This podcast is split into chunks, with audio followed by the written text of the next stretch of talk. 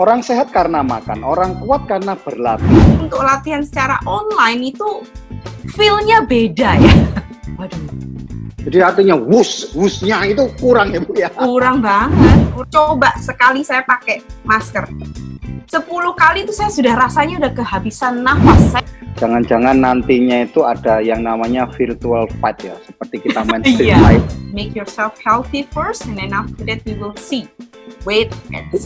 Salam bertahan hidup. Selamat datang di Madam Chang TV Survival Talk. Seperti biasa, jangan lupa subscribe dan lonceng ting ting ting ting supaya konten-kontennya yang menarik, inspiratif, lahir dan batin selalu bisa diketemu. Kali ini dengan new normal yang kita harus beradaptasi dengan keadaan yang ada, harus melakukan benar-benar social distancing Bagaimana nasib dari cabang olahraga yang banyak ini? Salah satunya adalah karateka yang diharuskan kita body contact. Ayo kita kulik sama-sama bagaimana cara full body contact dengan cara social distancing. Salam bertahan hidup. Selamat datang tamu sayang sungguh luar biasa. Ini salamnya harus rada berbeda karena ini orang hebat salamnya os. Os. Gitu ya. Oh, ya, betul, betul. Selamat datang di Madam Jang TV, Survival Terima kasih, Talk. Pak Dudi. Selamat sore. Ini. Mungkin iya banyak sekali yang ingin tahu siapa ini. Kok salamnya aja sudah os. Boleh Miss memperkenalkan diri lebih dalam lagi supaya uh, para penonton Madam Jang TV ini lebih mengenal siapa sesungguhnya Bu Osi ini. Oke, nama saya Ozi. Saya saat ini kebetulan menjabat sebagai Ketua Forki Surabaya, Kota Surabaya. Jadi Forki adalah uh, uh, induk dari olahraga karate di Indonesia. Begitu. Jadi wow. ya, ya tukang orang yang suka orang bilang sih suka pentalitan namanya juga olahraga bela diri. sukanya biayaan kalau orang Surabaya bilangnya begitu ya tapi orang orang pasti orangnya dinamik begitu loh ya pasti begitu. Man, termasuk atlet mantan atlet bu. Dulu saya panggilnya gimana nih? Saya panggil sensei aja ya karena nih tidak mudah untuk orang bisa menjadi seorang sensei itu. Jadi saya langkah baiknya, ya kan. Jadi ini benar-benar hormat jabatan. saya harus panggil sensei gitu ya. Ini berat nih ya. Ya, biasanya saya panggil sensei tapi sebenarnya berat bagi saya. ya, it's okay no problem. Ya, uh, dulu saya atlet uh, sampai ke kejurda pernah menang tapi setelah itu uh, tidak pernah dipanggil. Jadi ya ya habis itu ya ya mungkin zaman dulu saya kurang tahu bagaimana ceritanya. Nah tapi setelah itu saya tetap berlatih karate sampai uh, hari ini. Sampai selalu karate kayaknya karate itu sudah di mendarah daging sih jadi hobi.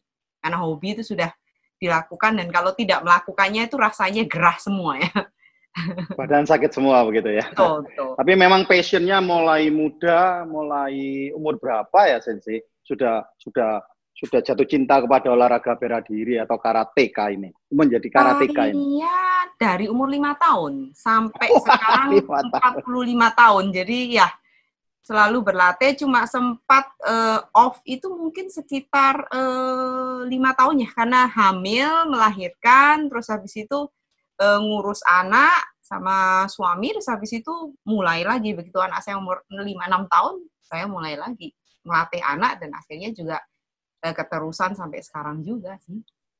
Ketika ya. saya ngobrol-ngobrol dengan tim ini, uh, saya mencari juga termasuk uh, ibu itu ketika nama ibu masuk di data saya itu langsung saya oh saya mau ini harus bicara sama sensei ini karena di era yang sekarang ini saya saya yakin karena ini kan bicara tentang kesehatan, kemampuan Betul. seseorang untuk bisa bertahan hidup Betul. dan kalau seorang atlet atlet bela diri itu yang saya tahu tidak cukup hanya sehat tetapi Betul. orangnya itu harus di atas sehat ya. Itu artinya harus apa ya?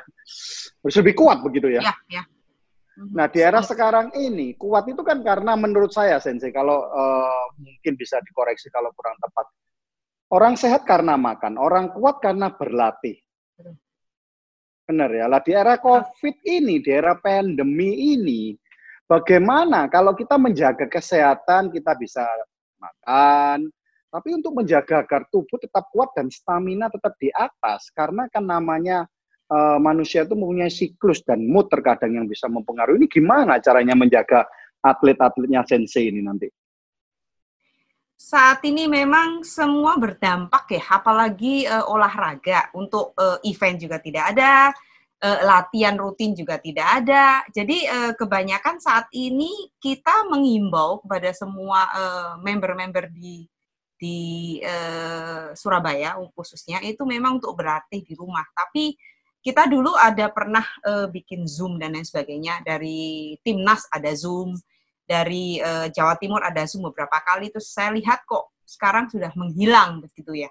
Nah, yang saya bisa omongin ke anak-anak didik saya ataupun uh, atlet-atlet yang di bawah atau timnya Surabaya khususnya itu untuk berlatih sendiri di rumah masing-masing dan juga menjaga menjaga kesehatan masing-masing tetap berlatih walaupun mereka saat ini banyak hal yang umpamanya saya bikin zoom saat itu saya saya taruh okay. aja zoom oke kita bikin zoom ya tapi banyak sekali juga dari uh, uh, mereka itu yang enggak enggak enggak enggak maksudnya handphone mereka tidak memadai atau tidak ada wifi dan lain sebagainya karena memang tidak semua karateka itu ya dari uh, strata yang uh, apa ya saya saya, saya bisa bilang mampu dalam hal kayak gitu dan memang saya lihat juga trennya di dunia sekarang ini sudah mulai latihan secara online. Saya sendiri baru uh, ikut join untuk latihan online baru kemarin sebenarnya dengan uh, kita di uh, saya di Portugal uh, saya latihan sama senior senior saya dan lain sebagainya itu.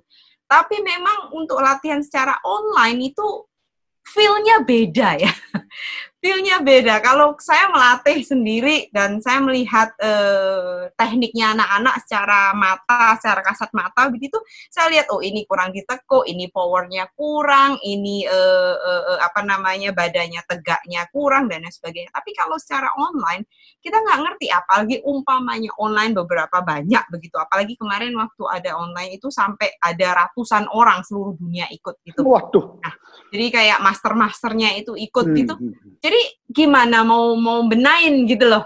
Jadi susah juga spiritnya itu juga kurang karena di saat itu saya latihan sendiri jadi it's it feel awkward and odd gitu, strange gitu loh.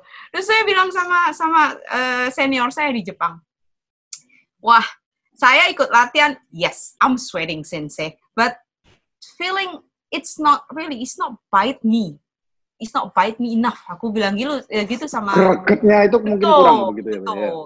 Jadi bisa saja kalau pada saat waktu zoom uh, kita main-main aja bisa loh. Maksudnya capek gitu ya. Ya sudah separuh power aja.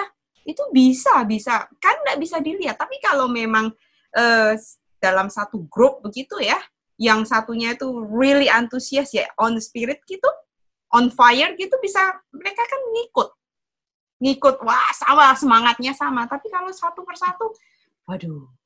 Jadi artinya wus wusnya itu kurang ya bu ya? Kurang banget kurang banget. Karena kan kadang kadang yang lucu itu kadang yang lucu pada waktu zoom gitu ya eh, kita punya sensei bilang ini harus ke sini begini. Terus habis itu dia berhenti kita semua bilang loh, loh, kok berhenti? Karena kan memang wifi ada ada ah, uh, iya. apa? belum ngeleknya iya gitu ya. dan lain sebagainya. Jadi ada cutting cuttingnya begitu. Waduh itu juga akhirnya wah ini bingung ini gimana komputer kok nggak bisa? Nah hal yang kayak gitu tuh loh. Ya itu banyak. jangan-jangan kalau sensenya lagi ngajar terus ngelek itu oh ini pukulan slow motion tapi tetap powerful. Iya, harusnya begitu. ya, seperti yang saya praktekkan barusan ada sedikit ngeleknya ini. Betul Betul. Nah juga saya juga bilang sama anak-anak di uh, Forti Surabaya untuk uh, selalu ada di rumah. Jadi uh, following the rules dari dari government gitu. Soalnya bagaimanapun uh, kita nggak ngerti juga ya sekuat apa pun kita, se, se sesehat apa pun kita pada saat uh, uh, virus ini datang, namanya juga uh, uh, uh, virus ya. Kita nggak bisa lihat, nggak bisa itu mungkin saat namanya tubuh sekuat-kuatnya pasti ada naik Atau turunnya ya. Grafiknya Pum, itu yang kadang-kadang di bawah gitu ya. Nah, gitu bisa bisa sakit itu yang susah. Makanya saya udah bilang udah oke okay, uh, eh, stay at home, workout at home, terus uh, uh, apa namanya makan yang benar, terus selalu selalu apa namanya itu selalu uh, connecting each other karena kan uh, kita butuh kalau ada sharing informasi atau kayak kemarin ada pertanyaan tentang japres dan lain sebagainya dari orang tua dari dari atlet kayak begitu karena kan memang kalau di kita memang uh, untuk untuk timnya Surabaya yang memang menang-menang itu bisa ada reward secara uh, uang maupun japres untuk pilih sekolahan favorit. Gitu. Jadi saya sudah bisa membayangkan kira-kira sensi bagaimana sulitnya ketika olahraga yang ya yang saya tahu karate ini kan full body contact ya. Betul betul. Uh, ada uh, ada yang full body contact, ada yang tidak. Oke. Ada dua macam. Sedangkan kita di dunia ini sekarang sudah me harus menjalankan social distancing. Betul. Nah itu gimana caranya? Kan dua itu yang berlawanan. Satu harus kena pukulan, kan tidak bisa pukulan berdasarkan angin gitu ya. Harus, waduh, nggak boleh kena ini, nggak boleh mendekat begitu. Betul. Jadi akankah peraturan-peraturan ini bisa ya akhirnya terkoreksi atau dirubah begitu karena disesuaikan dengan pandemi yang sekarang ini ya. Saat ini uh, dari beberapa uh, organisasi dunia untuk karate uh, itu mereka adapting. Saat ini ada mereka membuat event yang kejuaraan karate tapi melalui online. Hanya yang dipertandingkan itu bukan yang fighting tapi kata kata itu adalah uh, kalau orang kita ngomong jurus ya. Jadi orang yang uh, ber apa ya berimajinasi diserang dari empat penjuru penjuru uh, uh, empat penjuru. Jadi itu namanya kata. Jadi ada yang online itu kejuaraan internasional mau uh, nasional saya belum belum belum nemu sih. Nah itu itu banyak juga ada empat lima undangan yang dikirim ke saya. Tapi tetap saja pada saat saya akan saya saya mempertanyakan hal ini juga kepada mereka. Masalahnya kalau umpamanya kita tidak punya uh, mungkin kamera yang bagus ataupun angle yang bagus dan profes uh, apa orang yang profesional bisa shoot, bisa kalah dong bukan karena kalah teknik tapi kalah umpamanya uh, dia online uh, live ya. Oke, okay, ini kalah dari sudut pandang kameranya betul, itu ya. Betul, itu itu susah. Nah, itu yang saat ini terjadi. Tapi kalau juga untuk ke depannya saya juga uh, saya mikirnya sih pasti akan ada uh, new rules untuk untuk ini. Nah dan juga di di karate sendiri ada dua dua hal ada yang full body contact, ada yang tidak full body contact atau light touch. Kalau full body contact kena yang KO itu kalah. Kalau yang di bukan full body contact kayak uh, style Sotokan, Situryu dan lain sebagainya, itu hanya light touch. Light touch itu satu senti di muka, boom, langsung ditarik. Kalau kena dan KO lawannya, yang menang yang KO, bukan yang Oke, okay, nah, oke. Okay. Gitu. Nah, kayak gitu. Tapi tetap itu kan nggak bisa lagi saat ini diperlakukan untuk pada saat masa pandemi ini. Jadi benar-benar kita yang eh, bilanglah pembimbing dan pengasuhnya juga nggak ngerti dari WKF. WKF itu organisasi dunia yang paling besar ya untuk uh, masuk ke Olimpik itu diwakil dari WKF untuk organisasi karatenya. Itu juga belum ada perubahan rules dari perwasitan, dari teknik, dari apa pun itu. Jadi kita masih wait and see. Gitu. Jadi sensiw WKF itu World Karate Federation. Yes, betul gitu. Ini ini saya saya lagi berimajinasi ketika Sensei bercerita kalau di kontak ini. Jangan-jangan nantinya itu ada yang namanya virtual fight ya, seperti kita main street yeah. fight seperti kita main street fighter Betul. begitu, kita harus pakai perangkatnya, kita merasakan kena tendang, kita harus pukulannya. Berapa lama kemungkinan bisa menjadi virtual fight begitu ya? Keren nah, banget loh itu ya memang sih sebenarnya hal yang kayak virtual fight itu sudah ada di Wii ya. Kayak kita kayak maintenance virtual fight kayaknya ya, sudah ada di Wii. betul, betul. gitu ya. Tapi kalau itu, kena gamparannya kan belum ada. Iya. itu beda Terus juga. bisa gosong begitu ya. Ya. Kalau itu kayaknya setrum deh rekam. Iya, iya, iya. Oh, paling enggak ada poinnya gitu ya, kan. Ya, kayak gitu tuh. Itu uh, saya kurang tahu karena juga setiap negara juga uh, kemampuan untuk teknologinya juga beda. Serta pasti kalau itu terjadi, itu itu ide yang bagus dan mungkin juga apa namanya ke depannya bisa seperti itu uh, Pak Rudi. Tapi ya nanti uh, kita masih juga uh, wait and see juga. Karena juga saat pada saat pandemi ini dimulai saya pernah tanya sama salah satu teman di di W KF saya bilang ini bagaimana? Kayaknya Olimpik di, diundur atau bagaimana? Karena kita kan sudah pesen tiket dan lain sebagainya ke sana sudah wah saya pengen lihat karena kan Olimpik yang di Jepang harusnya sep, uh, Oktober itu uh, sorry September 2002, 2020 ini ya. Ya ini kan pertama kalinya si karate masuk ke salah satu cabur Olimpik ternyata mereka bilang nggak tahu wait and see. Ah, terpospon betul semuanya dipospon termasuk pon dan lain sebagainya termasuk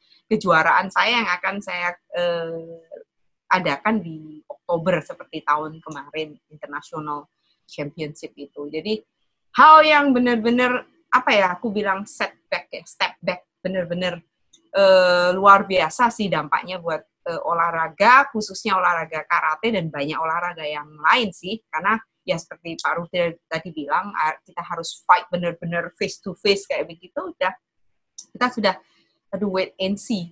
Saya sendiri selalu eh, anak-anak dari kita anak-anak didik kita saya bilang sensei saya nggak tahan. Saya pengen keluar saya pengen latihan. Saya pengen begini saya pengen begini. Aku ke rumahnya sensei biasanya kan ada anak yang latihan di tempat kita juga. Saya bilang tunggu dulu, kamu masuk ke kompleks rumah saya aja nggak boleh. Karena tidak mudah ya. Iya, kayak gitu tuh ya. Banyak hal sih, banyak keluh kesahnya juga sih mereka. Karena kan kalau dari uh, kalau sudah hobi dan mereka sudah ada uh, prestasi dan memang bakat itu bagi mereka suatu hal yang torturing ya, nggak bisa melakukan apa-apa. Tapi uh, untuk melakukan sendiri pun bagi mereka itu uh, mungkin space-nya di rumah mereka nggak ada atau uh, uh, karena harus sekarang ngurusin adik-adiknya atau uh, bantuin orang tuanya jualan atau apa di di online dan hal kayak gitu tuh hal yang juga uh, perlu di, di, dipikirkan juga sih dan saya sendiri di hal hal yang kayak gini waktu sebelum pandemik juga benar-benar fighting buat mereka yang memang benar-benar berprestasi dan berhak untuk mendapatkan japres atau uh, kalau pas saya ada ada berkat saya bawa ke luar negeri untuk ikut kejuaraan dunia seperti itu. Kalau PON sudah pasti diundurkan ya Bu Sensei? Sudah, sudah. Jadi sudah pasti sudah mundur semua untuk waktu yang tidak terbatas atau waktu yang kita nggak tahu kapan. Jadi semua semua event karena dari Menpora sendiri sudah sudah e, bersurat ke dan juga dari Forky pusat juga sudah bersurat sejak dua bulan yang lalu. Jadi tidak memperbolehkan adanya event, semuanya di, di, di pending dan tidak memperbolehkan adanya latihan dulu karena memang eh, sangat riskan ya untuk untuk penularan. Ya, untuk... Memang efek pandemi COVID-19 ini luar biasa, oh. merubah perilaku, merubah tradisi oh. dan semuanya. Kalau kita berbicara tradisi, Sensei, karate ini adalah salah satu olahraga yang cukup memegang tradisi. Oh, sangat. Dari, hierarkinya ya kan? sangat. Betul. Hierarkinya. Betul. Padahal sekarang kita ini harus menghadapi zaman yang namanya new normal. Berarti perubahan-perubahan drastis ini harus dilakukan. Betul. Nah, saya tidak bisa membayangkan Pak, begitu banyaknya mungkin, mungkin ya, semoga tidak. Mungkin juga kalau ini belum menemukan jalan keluarnya, tetapi uh, peraturan dunia kesepakatan dari WHO dan semuanya ini harus melakukan social distancing, tidak boleh body contact dan semuanya. Ini terhadap cabang olahraga di dunia itu juga akan banyak berpengaruh. Ada yang mungkin belum diperbolehkan dan bahkan mungkin akan dihapus mungkin ya. Betul, betul. Kemungkinan besar itu bisa terjadi karena namanya olahraga itu suka tidak suka mau mau tidak mau dan memang kenyataannya mereka harus face to face. Skak aja harus face to face. Golf aja harus ya kan gantian.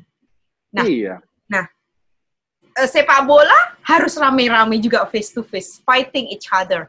Ya kan? Nah, saya tidak bisa membayangkan kalau olahraga yang butuh stamina seperti uh, dengan uh, kardio yang sangat tinggi gitu hmm. harus ditutup pakai masker pasti banyak Aduh. yang semaput gitu kan. Ya, saya coba kemarin itu kan saya coba uh, saya coba selalu uh, tiap hari lari putar kolam ya di di halaman kolam renang saya putarin gitu. Coba sekali saya pakai masker 10 kali itu saya sudah rasanya udah kehabisan nafas. Saya langsung copot. Ini bahaya. Saya langsung bilang sama anak-anak juga, jangan kalau umpamanya kalian itu latihan sendiri, jangan pakai masker. Bahaya karena apa ya? oksigen yang kita itu kan memang lebih uh, lebih kurang daripada kita bebas seperti ini. Jadi saya, saya tidak tahu apa. Bisa, mungkin kita juga bisa keracunan karbon. Betul. bisa, iya kan itu kan keluar masuk di situ. Bisa Ketika kita iya, saya saya ngalamin sudah. saya sampai bingung dulu. Jadi kayak dizzy begini dulu, dulu langsung saya cak saya copot, saya duduk dulu. Saya bilang, waduh, waduh, ini bahaya ini kalau kalau itu sampai umpamanya itu bisa ya pingsan betulan seperti Pak Rudi bilang. Ya memang susah. Tetapi esensi sebagai uh, Ketua Forki Surabaya, kewenangannya bagaimana ya untuk bisa merubah sedikit supaya anak-anak tetap bisa berlatih. Ini kan yang masalah mental ini yang paling sulit ya, ya karena Betul. karena bicara atlet ini kan bukan cuma stamina tapi mental itu Betul. playing uh, role yang salah satu yang terpenting ya, yang terbesar begitu. Gimana menghadapi mental-mental? Oke lah, fisik mungkin belum bisa maksimal. Tapi sensi gimana program-program apa yang dilakukan untuk menjaga mental-mental anak-anak ini yang seharusnya sudah siap tarung ini harus tetap dalam keadaan siap tarung ini?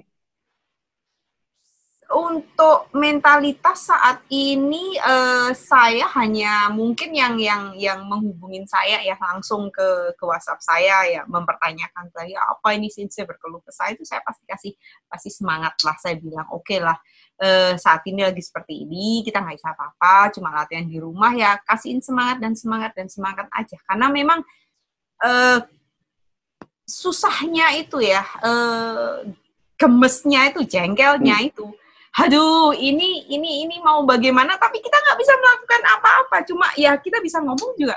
Cuma dengan kata-kata juga.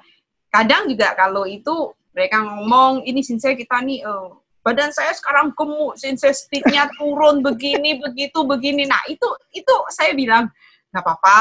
Saya bilang kamu punya uh, apa namanya karet nggak? Karet yang besar itu dibuat untuk latihan di rumah sendiri nanti itu. Ya tapi kan nggak maksimum ya bagaimanapun saat ini saya selalu bilang sama mereka juga yang yang uh, kirim message ke saya, lakukan apa yang bisa kamu lakukan dulu saat ini untuk menjaga satu kamu sehat dulu itu lebih penting daripada kamu untuk prestasi. Prestasi itu nanti pasti bisa dicapai dulu setelah keadaan seperti ini. Saya bilang begitu karena saat ini pun prestasi dari cabur apa pun tidak ada yang berprestasi karena total stop. Nah, kalau itu kamu bikin prestasi untuk kamu sehat dulu. Nanti setelah itu kan namanya kan sudah tercantum di tim kita kan, jadi tidak akan bisa lari ke mana-mana anyhow. Jadi ya itu yang saya bilang. Do yourself first, make yourself healthy first, and then after that we will see. Wait and see. Sudah berapa bulan ini ya? Dua bulan ada? Oh, tiga bulan. Sudah Sejak tidak boleh. Januari masuk ke kita itu Februari. Tidak boleh berlatih itu uh, dari himbauan oh, pemerintah dari, olahraga udah dua bulan. Udah dua bulan. Dua bulan mulai uh, tengah Maret itu mungkin ya. Betul. Dojo saya sendiri tempat saya latihan itu sudah saya tutup per uh, awal Februari sudah. Itu sudah saya tutup. Jadi saya ada dojo di Landmark situ, uh, saya melatih di situ khusus untuk anak-anak sampai umur 16 tahun. Itu sudah saya tutup karena kan uh, semakin lama kan semakin banyak orang terjangkiti. Dan saya bilang sudah tutup dulu aja kita lihat ke depannya bagaimana. Jadi orang tua orang tua tetap juga masih sharing sama kita, kadang kasihin uh, video ke saya ini anak saya lagi latihan begini, sensei kasihin petunjuk begini-begini, ya, kayak hal yang kayak gitu tuh.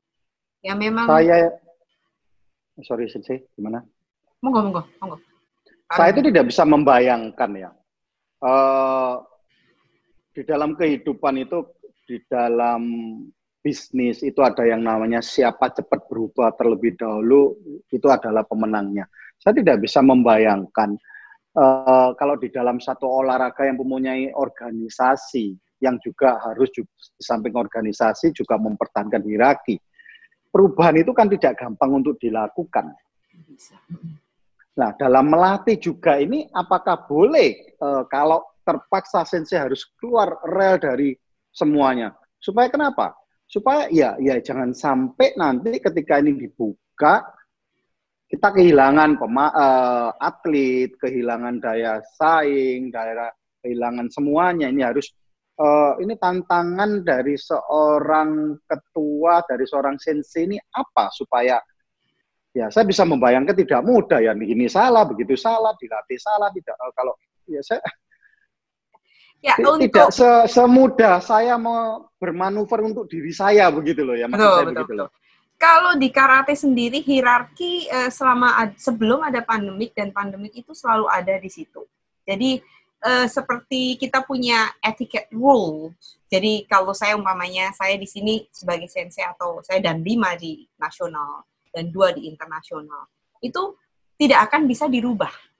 Dan seperti uh, untuk di dojo dan lain sebagainya, untuk kehilangan murid itu walaupun sebelum pandemi itu bisa saja terjadi karena saya selalu bilang ke eh, saya selalu bilang ke ke lingkup saya sendiri ya di dojo saya sendiri. Saya selalu bilang sama orang tua yang mau memasukkan anaknya ke karate, saya bilang karate itu adalah sesuatu yang berat dalam arti mentalitas kita harus tempa, fisiknya juga harus kita tempa.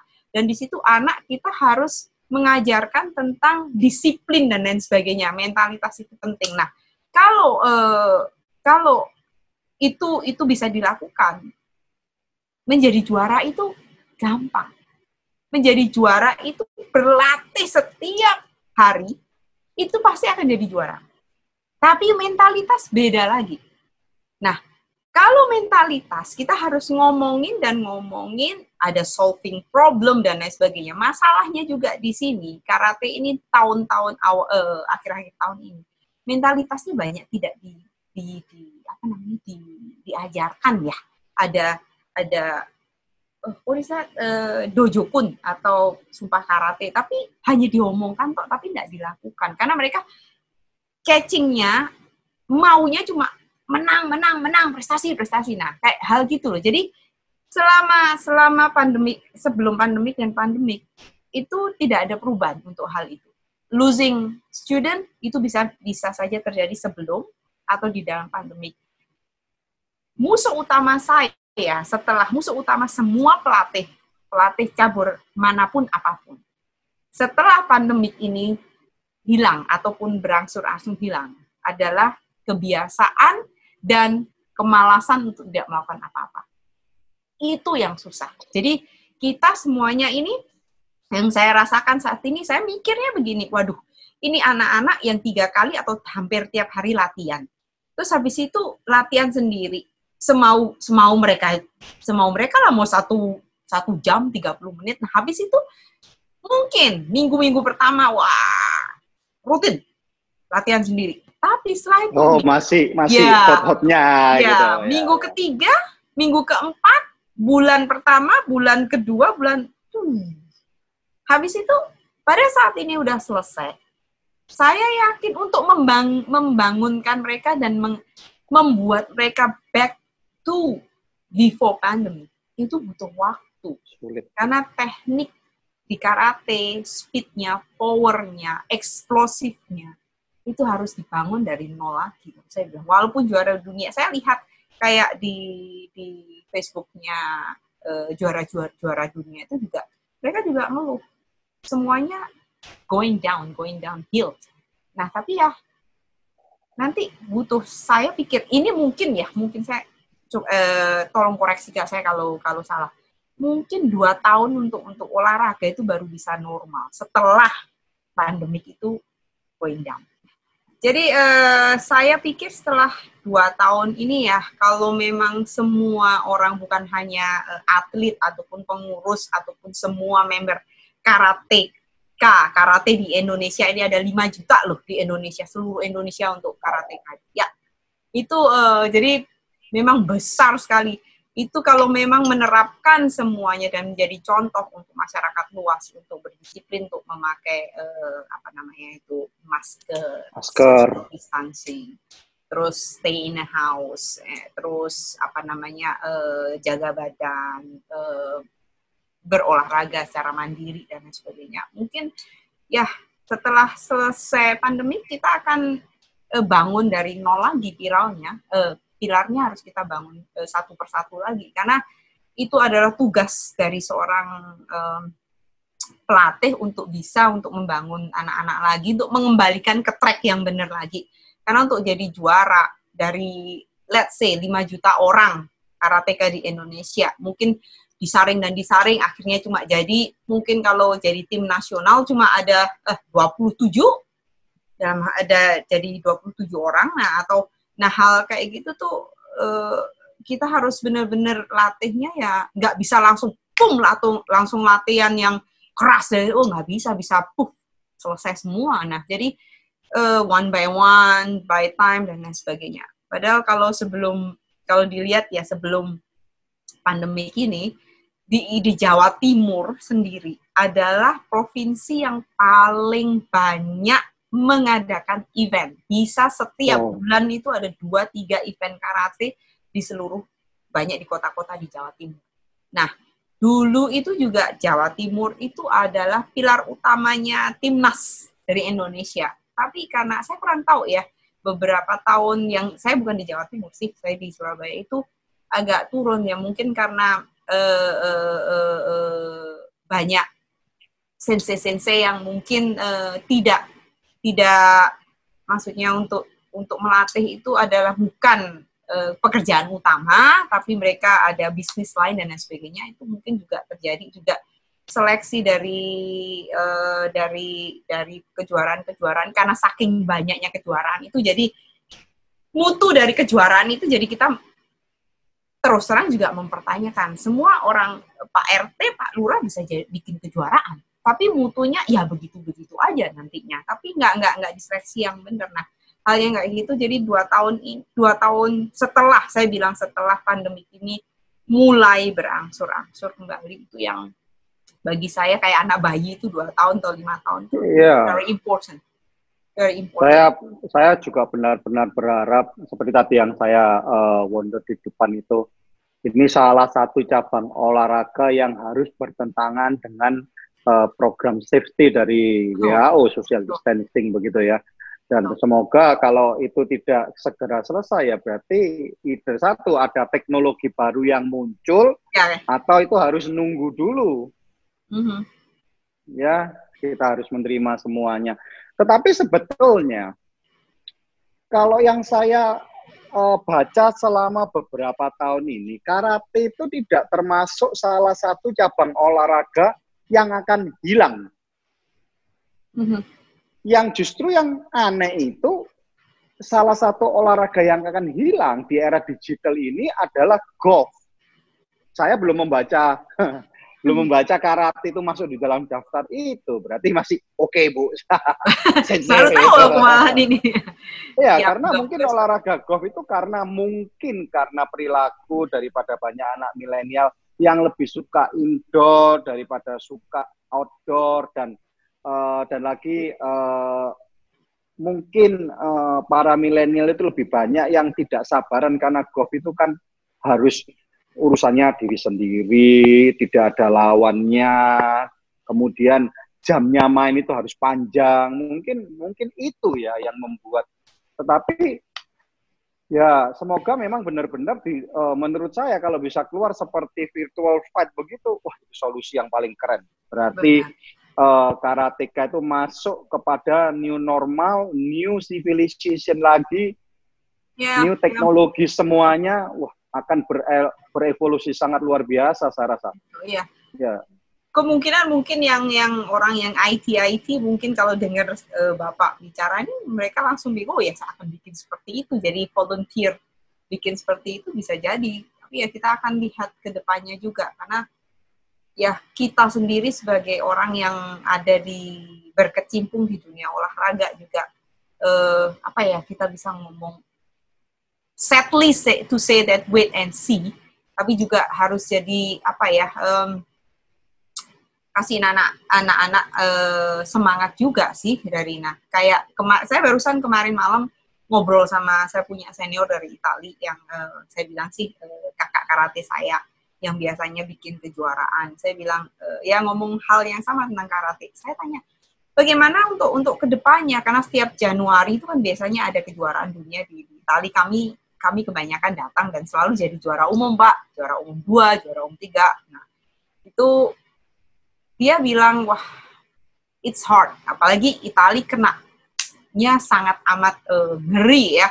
Nah, saya bilang ya, semua bilang juga kita punya uh, saya punya senior yang ada di Jepang juga kita juga tanya juga prediksinya sama mungkin dua tahun baru kita bisa ngomongin setelah pandemi ini mulai berangsur turun atau selesai tapi kalau saya bilang sama mereka koreksi saya kalau saya salah pandemik ini akan selalu ada tapi tidak bisa pandemik kayak flu dulu jadi pandemik habis itu karena badan kita dan mereka mutant bisa-bisa imun imun kita jadi adaptif jadi akhirnya bisa survive karena itu akan ada di situ. Nah, saya bilang ya eh, gimana ceritanya? Saya tanya ke Tokyo, eh, saya tanya ke, ke sensei saya, saya bilang dia bilang gini, eh, yes Osisan, we we are waiting. Kita sendiri juga nggak bisa ngomong.